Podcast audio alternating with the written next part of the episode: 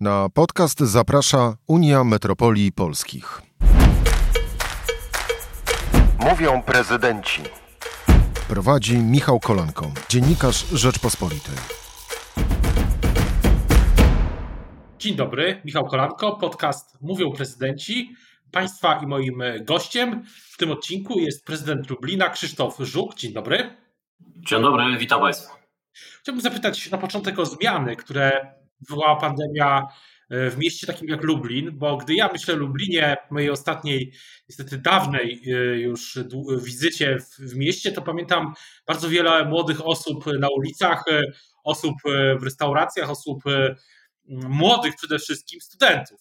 I tak się zastanawiam, jak teraz wygląda Lublin? Jak przez ten rok Lublin radził sobie w sytuacji, gdy nauka na uniwersytetach, uczelniach, w szkołach oczywiście też była w większości zdalna. No, Lublin wygląda tak jak i inne miasta. Byłem niedawno w Krakowie i też się nie odnalazłem w tej ciszy mm, w, na Starym Mieście e, i w, w tej e, małej ilości e, turystów.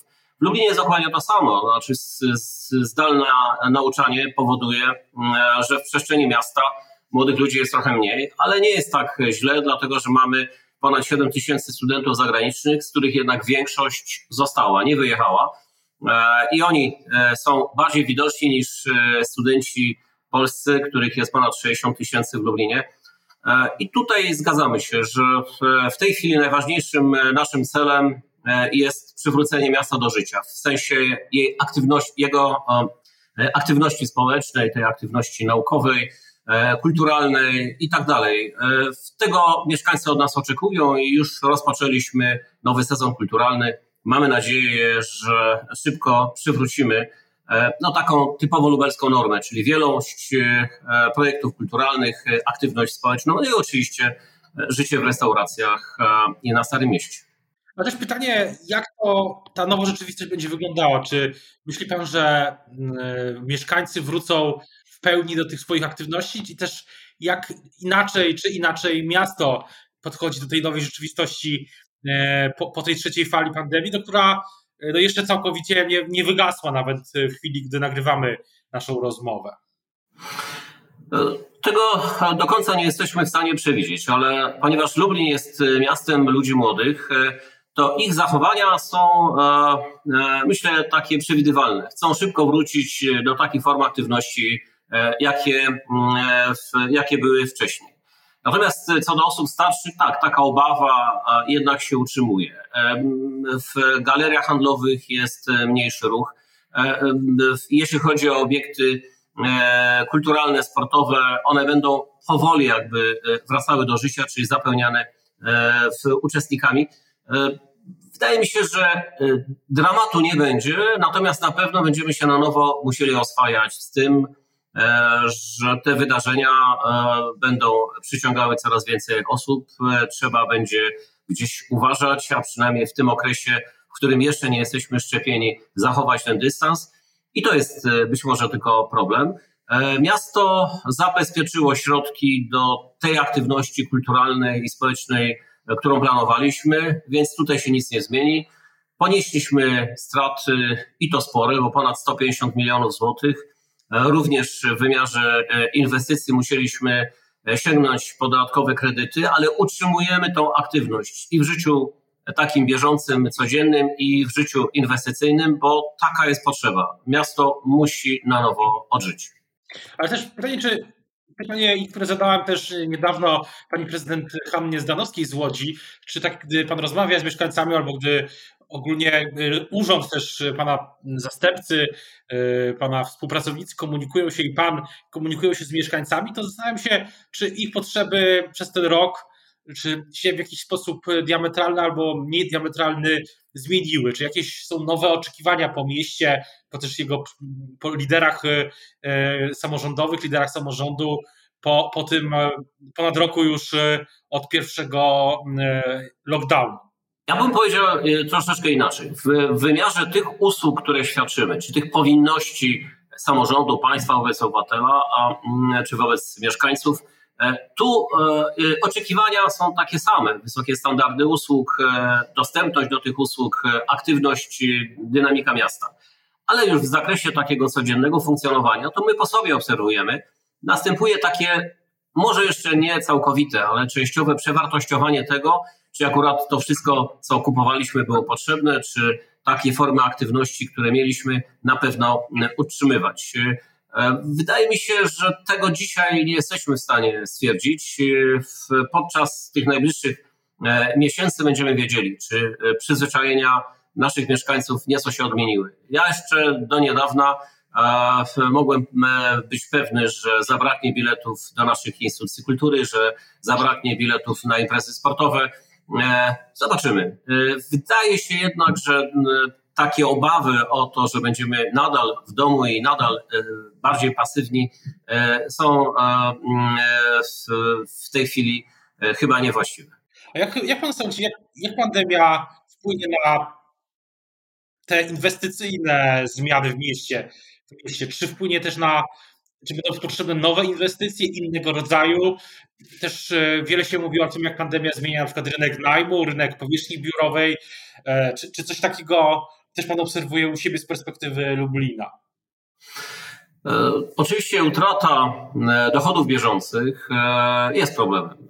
W Lublinie straciliśmy, tak jak mówiłem, ponad 150 milionów złotych dochodów, głównie dochodów bieżących, w części również z nieruchomości, ale to dało się jeszcze nadrobić. Gorzej, jeśli oczywiście ten ubytek będzie uzupełniony skutkami wprowadzanych zmian e, w wyniku polityki rządu. Mówię tutaj o traconych dochodach e, z udziału w PIT e, w związku z nowym programem rządowym, jeśli nie będą rekompensowane, bo wtedy w sposób trwały nastąpi ubytek tych dochodów. My tutaj zakładamy, że część dochodów i przychodów szybko odzyskamy. Lublin ma tę przewagę nad wieloma innymi miastami, że dominuje tutaj mały i średni biznes. I te małe i średnie przedsiębiorstwa, one szybciej i bardziej mm, elastycznie e, reagowały na zmianę e, w otoczeniu rynkowym, a niektóre wręcz nie zarejestrowały jakichś istotnych problemów. Oczywiście poza tymi branżami, które wprost,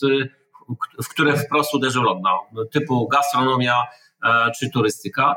Na rynku mieszkaniowym rzeczywiście obserwujemy w tej chwili stagnację, jeśli chodzi o mieszkania na wynajem, ale to jest związane z nieobecnością studentów.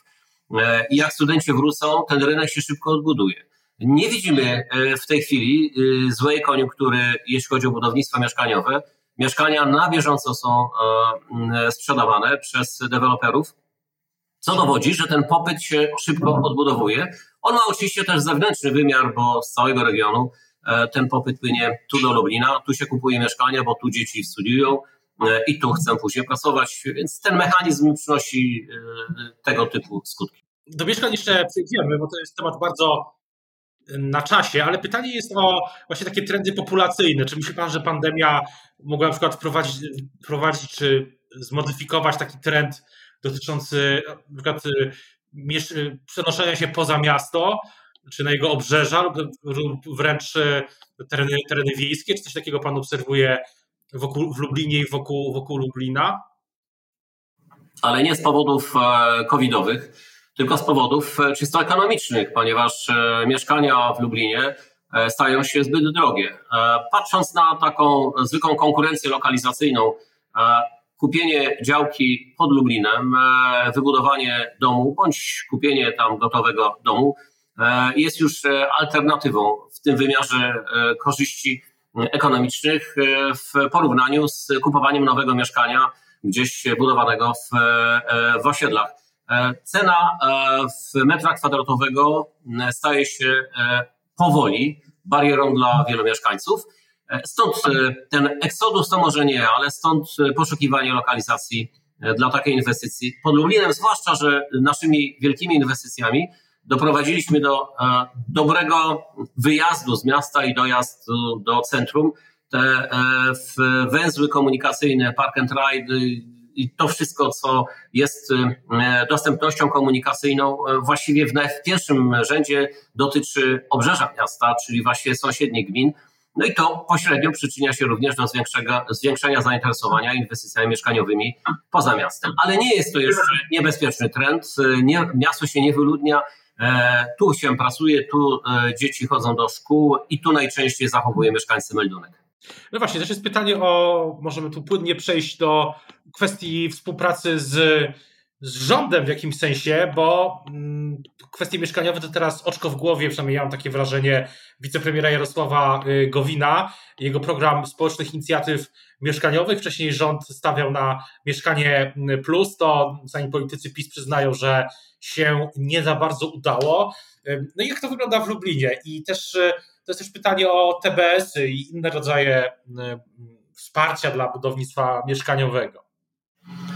Znaczy, po pierwsze, e, poszukujemy takich form, które będą miały e, niskie koszty finansowe. Mówimy o finansowaniu i w związku z tym mieszkanie plus, jak również e, zasilanie przez fundusze BGK było zbyt drogie. Stąd budowa przez TBS, który korzystał z instrumentów pożyczkowych, a nie kapitałowych, stąd również budowa mieszkań przez naszą jednostkę organizacyjną Zarząd Nieruchomości komunalny, który również korzystał z dotacji z częściowo umarzalnych. E, natomiast te nowe formy budownictwa proponowane teraz przez premiera Gowinę oczywiście leżą w sferze naszych zainteresowań, tylko to jest dla określonego segmentu rynku, bo mówimy tutaj o mieszkaniach na wynajem. Co prawda można będzie je według e, zasad e, później wykupić, ale to są mieszkania adresowane do tych, których zdolność kredytowa jest niewystarczająca, żeby kupowali mieszkania na rynku komercyjnym, a jednocześnie ich dochody są zbyt duże, żeby ubiegali się o mieszkanie komunalne. Więc my mówimy tak, jesteśmy tym zainteresowani, chcemy realizować e, taki projekt e, wspólnie z e, KZN-em, natomiast z drugiej strony kontynuujemy budowę mieszkań przez TBS, to jest nasz nasza jednoosobowa spółka ze środków BGK i jednocześnie budowa, budujemy mieszkania komunalne przez naszą jednostkę organizacyjną, czyli staramy się w wszystkich segmentach być aktywni. Jak rozumiem, KZN w Lublinie akurat chyba własnych gruntów nie ma. Nie ma, ale jesteśmy po spotkaniu e, w, z panem prezesem. Szukamy tu rozwiązań. Być może uda pozyskać KZN-owi grunty e, Agencji Mienia Wojskowego, natomiast jeśli nie, to miasto taki grunt e, postara się wnieść do wspólnego przedsięwzięcia ze względu na e, interesujący nas model finansowania. Tutaj przechodzimy właśnie też płynnie do kolejnych tematów, które w ostatnich tygodniach, miesiącach budzą duże zainteresowanie opinii publicznej, ale też środowiska samorządowego oczywiście też. To jest po pierwsze projekt Krajowego Planu Odbudowy i tych inwestycji, które mają ruszyć dzięki niemu. Jak to wygląda z Pana perspektywy, perspektywy Lublina i też perspektywy całego, całego regionu? I czy też Pan ma obawy, że te inwestycje z KPO nie będą przyznawane, czy nie będą wykonywane mm, transparentnie i obiektywnie, a staną się pewnego rodzaju, no nie, nie będą po prostu szły w tym e, kierunku? Czy jak to z Pana perspektywy wygląda? I też miasta. Ja Hmm? Ja reprezentuję akurat Unię Metropolii w Komisji Wspólnej Rządu i Samorządu, e, również w zespołach tematycznych, które e, ta komisja powołała i w związku z tym jestem e, w, uczestnikiem tych dyskusji, które prowadzimy z ministrem Budą, jak również z innymi ministrami. Mamy jakby świadomość tu pewnej trudności. Znaczy z jednej strony jest dokument, z którego jeszcze nic nie wynika, bo jest wystarczająco ogólny, żeby można było po, powiedzieć mm, coś o tej alokacji późniejszej. Natomiast też z drugiej strony nie otrzymujemy deklaracji mm, od e, ministra czy od rządu, e, że te zapisy, które sytuują samorządy w segmencie nie grantowym czy dotacyjnym, a pożyczkowym, zostaną zmienione. W związku z tym, jeśli to będą pożyczki, które będą źródłem finansowania wielu inwestycji w tych obszarach, które e, KPO mm, będzie zawierał, E, to dla wielu samorządów nie będzie to atrakcyjne. E, Lublina? E, w zależności o jakich inwestycjach mówimy. Jeśli będzie to transport, rozważymy, chociaż my akurat dokonaliśmy bardzo dużych zakupów inwestycyjnych, korzystamy również ze środków Europejskiego Banku Inwestycyjnego i KPO samo w sobie dla nas nie musi być atrakcyjne. Pod warunkiem, że będą oczywiście, znaczy zmienimy zdanie, pod warunkiem, że będą to granty ale już na przykład w innych obszarach, jak zielona transformacja, e, nie widzimy możliwości finansowania z pożyczek. E, tutaj oczekujemy jednoznacznego stanowiska rządu. że o ile dla rządu będzie, czy dla państwa będzie to pożyczka, o tyle dla samorządów mogą to być granty, bo Komisja Europejska dopuszcza taką możliwość. Mało tego, to wydaje się jest jedynym sposobem na to, żeby dynamicznie wejść w inwestycje już od przyszłego roku. E, jeśli nie rozstrzygniemy tej kwestii w ten sposób, to samorządy nie będą e, aktywne inwestycyjne tak, jak ewentualnie e, powinny być. Czyli inaczej mówiąc, jeśli my dzisiaj realizujemy inwestycje na poziomie około 60 miliardów rocznie, to te inwestycje będą sukcesywnie malały ze względu na coraz trudniejszą sytuację finansową samorządów i ten ubytek dochodów własnych i brak możliwości pozyskiwania e, dotacji unijnych, przynajmniej przez najbliższe 2-3 lata, bo Funduszu Spójności póki co nie ma i chyba nie będzie. Więc KPO jest pewną niewiadomą, ale rozmawiamy z rządem i to jest najważniejsze, żeby próbować doprecyzowywać pewne zapisy, już może nie KPO, choć tu jeszcze możliwości będą, a bardziej już tej ustawy wdrożeniowej, w taki sposób, żebyśmy mieli wpływ e, zarówno przez komitet monitorujący, jak i e, również później w ramach e, tych programów na realizację zadań ważnych dla naszych mieszkańców. Chociażby mówimy tutaj o tej zielonej transformacji. Lublin ma tutaj ambitne projekty zagospodarowania całej Doliny Bystrzycy. To jest kwota kilkuset milionów złotych, ale trudno wyobrazić sobie, że będziemy finansować to z kredytów. No tak, ale też jest pytanie, o ten komitet monitorujący, na ile jest Pan tutaj e, dobrej myśli, jeśli chodzi o perspektywę właśnie samorządów, e, e, jeśli chodzi o to, o to czy on, to ona będzie, ten komitet będzie no, skuteczny w egzekwowaniu w jakimś sensie zapisów KPO? No, na razie podstaw do optymizmu nie ma, tu się musimy zgodzić. My stawiamy jakby stronie rządowej te nasze postulaty, że zarówno samorządy, organizacje pozarządowe, organizacje zrzeszające przedsiębiorców e, powinny mieć realny wpływ, czyli naszym mówiąc w komitecie monitorującym e, powinny być możliwości kreowania mm, kierunków alokacji.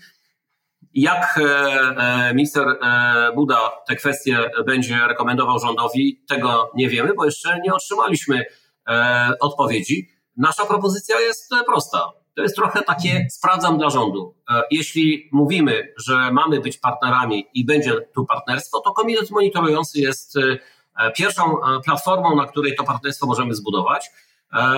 Na razie, jeszcze raz podkreślam, nie jest to skonkretyzowane i jest to tylko w kategoriach postulatów strony samorządowej i organizacji pozarządowych.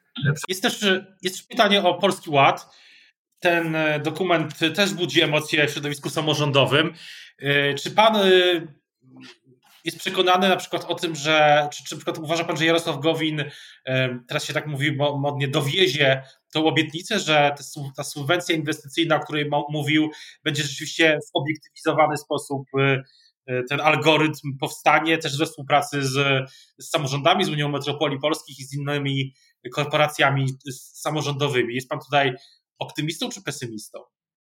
Znaczy, optymistą również to nie jestem, ze względu na to, co się stało z Rządowym Funduszem Inicjatyw Lokalnych, e, gdzie alokacja 6 miliardów e, była oparta na e, nietransparentnych zasadach. No i właściwie badania profesorów z warszawskich pokazały również ten podtekst polityczny w alokacji tych środków. Ale odwróćmy e, trochę e, e, to pytanie. Dlaczego rozmawiamy o subwencji, której po pierwsze w prawie nie ma, po drugie nie wiemy, jak ona ma wyglądać, a zwłaszcza te mechanizmy jej alokacji? Przecież jest prostsze rozwiązanie. Jeśli będzie wyszacowany ten ubytek dochodów własnych, to zwiększmy udział w jednostek samorządu terytorialnego w, w PIT-ie. Taka propozycja została przedstawiona przez Związek Miast Polski, przez Unię Metropolii. Wszystkie korporacje samorządowe co do tego rozwiązania się zgadzają. Jest to osadzone w umowie, e, w ustawie o dochodach jednostek samorządu terytorialnego. Jest to dochód własny, e, który będzie e, kształtował nadwyżkę operacyjną, a od niej zależy później zdolność inwestowania samorządu, więc nie mówmy o czymś, czego nie ma i coś, co nie będzie dochodem własnym. Rozmawiajmy po oszacowaniu skutku, bo takie wystąpienie do pana premiera od wszystkich korporacji poszło, żebyśmy na twardych danych pracowali, żebyśmy oszacowali skutki e, przyjętych, proponowanych rozwiązań, a następnie dopasowali do tego e, to źródło dochodu, czyli wielkość udziału w picie. I takie jest też stanowisko strony samorządowej, że to powinno być preferowane i o tym powinniśmy rozmawiać. Jak pan ocenia sytuację samorządów finansową w 2020? Bo z tego co pamiętam, to dochody własne, te ujmowane łącznie z udziałami w PIT i CIT, CIT wzrosły rok do roku o 10,6 miliarda złotych. No, to jest e, e, kwestia żonglowania e, danymi. Po pierwsze, to jest oczywiste, że wzrosły, ponieważ mieliśmy dobrą koniunkturę, wzrost gospodarczy nawet COVID tak bardzo tutaj nie namieszał, bo to jest jeszcze rachunek ciągniony z poprzednich lat. Natomiast jeszcze w większym stopniu wzrosły wydatki i my porównujmy dochody do wydatków. W Lublinie dochody wzrosły około 120 milionów, ale wydatki przeszło 180 milionów. Jeśli popatrzymy na nadwyżkę operacyjną, bo ostatnio słyszałem wypowiedź e, jednego z ministrów, że przecież nadwyżkę macie 5-miliardową. Tak, tylko ta nadwyżka regularnie maleje od 18 roku. Ja miastem na prawach powiatu się posłużę, czy miastami. W 18 roku to było ponad 7 miliardów nadwyżka, ale już w 20 niecałe 4 miliardy. A ta nadwyżka operacyjna jest źródłem finansowania inwestycji. Więc można powiedzieć, że nadwyżka przekłada się natychmiast na inwestycje plus fundusze europejskie i środki, i środki e, dłużne. E, to oznacza, że my tracimy powoli zdolność do finansowania inwestycji, bo zmniejszają się te środki własne.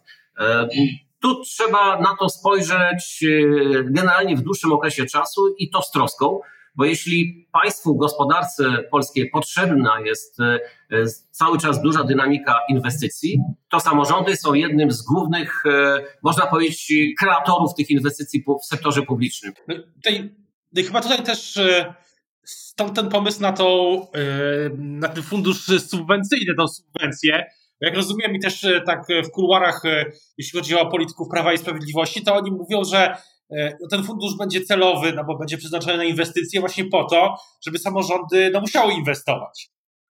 A co robią samorządy? Wie pan, takie mówienie o tym, że samorządy to jakieś udzielne księstwo, które chce być jak najbogatsze, jest nieporozumieniem samorządy realizują powinności państwa wobec obywateli. Zarówno w zakresie tych wydatków bieżących, jak i inwestycyjnych, samorządy e, w, wydają pieniądze publiczne e, w, można powiedzieć, w imieniu państwa, ale w związku z celami, które stawiają mieszkańcy. I to jest nietrudno zresztą zrozumieć, jak się popatrzy, jakie inwestycje infrastrukturalne E, są realizowane od dróg zaczynając, a kończąc na oczyszczaniach ścieków. Ale powiem jeszcze coś innego. Ministerstwo Finansów wyszacowało bodajże w 2019 roku, e, że do 2027 roku nadwyżka operacyjna samorządów będzie skumulowana około 180 miliardów. Ale jednocześnie e, nie podało, a myśmy oszacowali w Związku Miast Polskich, że wydatki E, inwestycyjne, te konieczne, to będą ponad 400 miliardów. Czyli ta różnica pomiędzy projektowaną, planowaną nadwyżką, a koniecznymi wydatkami w zakresie wodno-kanalizacyjnych inwestycji, ciepłowniczych, e, transportu i tak dalej, będzie musiała być sfinansowana z długu, plus oczywiście pozyskiwane fundusze europejskie. Myślmy inwestycjami, koniecznością rozwoju, utrzymania dynamiki wzrostu. Samorządy są istotnym tu narzędziem takiej polityki rządu. Zresztą z tych inwestycji E, do budżetu państwa wpływa PIT, CIT, VAT, a zatem budżet państwa z tych inwestycji bezpośrednio korzysta. W związku z tym proszę nas nie przekonywać, mówię tu do polityków e, z każdej opcji, e, że subwencja rozwojowa będzie lepszą niż udział w dochodach, w, w udział dochodów w PIT-ie, ponieważ subwencja nie jest dochodem własnym, E, i nie daje takiej swobody alokacji środków, jaka wynika z potrzeby mieszkańców. E, na przykład e, konkurencja wydatku inwestycyjnego z koniecznością utrzymania standardu oświatowego. To samorząd i mieszkańcy powinni o tym decydować, a nie minister w Warszawie. Co do przyszłości, skoro o przyszłości mowa, to na koniec chciałbym zapytać o przyszłość polityczną, bo z tego co pamiętam, dwa tygodnie temu już złożył Pan deklarację kandydowania w kolejnych wyborach prezydenckich w Lublinie oczywiście, w wyborach w 2023 roku, to jak tak obserwuję scenę samorządową, jest pan jednym z pierwszych, o ile nie pierwszym nawet prezydentem dużego miasta, który złożył taką deklarację, więc pytanie się nasuwa, dlaczego tak wcześnie? Taka deklaracja relatywnie wcześnie. Na przykład prezydent Trzaskowski to mam wrażenie, jeszcze takiej deklaracji nie złożyła. Wiele osób e, też się interesuje, czy, czy będzie kandydował ponownie w Warszawie.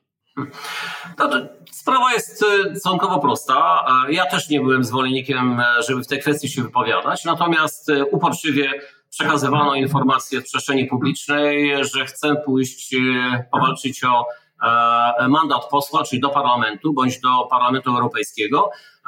I w związku z powyższym to jest kwestia jak gdyby lojalności wobec współpracowników. Powiedziałem, nie chcę tu zostać, jesteśmy razem, mamy strategię do, do realizowania i będziemy ją wspólnie realizować. Ponoszę odpowiedzialność za to wszystko, co się dzieje w mieście dzisiaj i chcę ponosić w przyszłości. Oczywiście to mieszkańcy zdecydują, czy powierzą ponownie ten mandat. E, z tego powodu e, to zrobimy, bo wie pan, nie ma nic gorszego niż poczucie niepewności e, wśród tej ekipy, tej drużyny, która zmienia Lublin od 10 lat. I żeby nie każdemu osobna tego nie tłumaczyć, powiedziałem to publicznie, chciałem powiedzieć, że cała ta dyskusja jak mieczem uciął, ucichła. Zamknięty temat.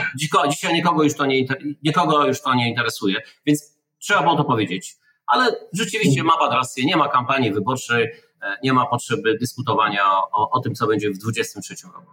Ale też e, to chciałbym zapytać na koniec zupełnie o jeszcze dalszą przyszłość, trochę przewrotnie. Lublin 2028 to byłby czas, gdyby skończył pan, jeśli, jeśli wybierze, wygra, wygra pan ponownie, to, to będzie moment, gdy e, odda pan władzę ze względu na koniec tej kadencyjności, którą prowadziło Prawo i Sprawiedliwość. 2028 rok ma pan, ma pan jedną myśl dotyczącą miasta wtedy. Jaki wtedy byłby, ma być Lublin? Jeśli oczywiście prawo się nie zmieni, bo wszystko, wszystko jest możliwe, ale no załóżmy, że, że to byłaby pana ostatnia kadencja 2023-2028. Jedna myśl co do Lublina wtedy. E, e, absolutnie e, mogę potwierdzić, że nawet gdy będą takie możliwości, to po zamknięciu tej następnej kadencji kandydować nie będę. Ja chcę przygotować zmianę pokoleniową i tu o, o, bardzo dużo inwestujemy w budowanie aktywności ludzi młodych, którzy muszą wziąć odpowiedzialność za miasto i przeprowadzimy tę zmianę. Natomiast jaki będzie Lublin? E, będzie miastem, który zrealizuje tą nowoczesną, partycypacyjną notabene strategię, którą w tej chwili wypracowujemy strategię, która e, odzwierciedlać będzie już oczekiwania tych pokoleń, które tę odpowiedzialność za miasto muszą wziąć. Czyli w większym stopniu ochrona klimatu, w większym stopniu zielona transformacja, ale również inteligentne specjalizacje, ale również e, wzmocniony potencjał akademicki, akademicki miasta. Czyli inaczej mówiąc, wchodzimy w obszary innowacyjnego rozwoju społeczno-gospodarczego, bo ta dziura w ziemi, czyli ta twarda infrastruktura, którą musieliśmy stworzyć, właśnie jest e, przez tą dekadę E, e, można powiedzieć, realiz- będzie zrealizowana, czyli inaczej mówiąc, twarde inwestycje warunkujące rozwój będą za nami i będziemy mogli w większym stopniu koncentrować się na innowacyjnym rozwoju i na budowaniu tego inteligentnego miasta, czy tego smart city, e, który mamy wpisane w strategię. Bardzo dziękuję za rozmowę. Państwa i moim gościem w podcaście Mówią Prezydenci był dzisiaj prezydent Lublina Krzysztof Żuk. Dziękuję bardzo. Dziękuję bardzo. To była audycja Mówią Prezydenci. Kolejny odcinek we wtorek o godzinie 12. Podcast powstał w partnerstwie z Unią Metropolii Polskich.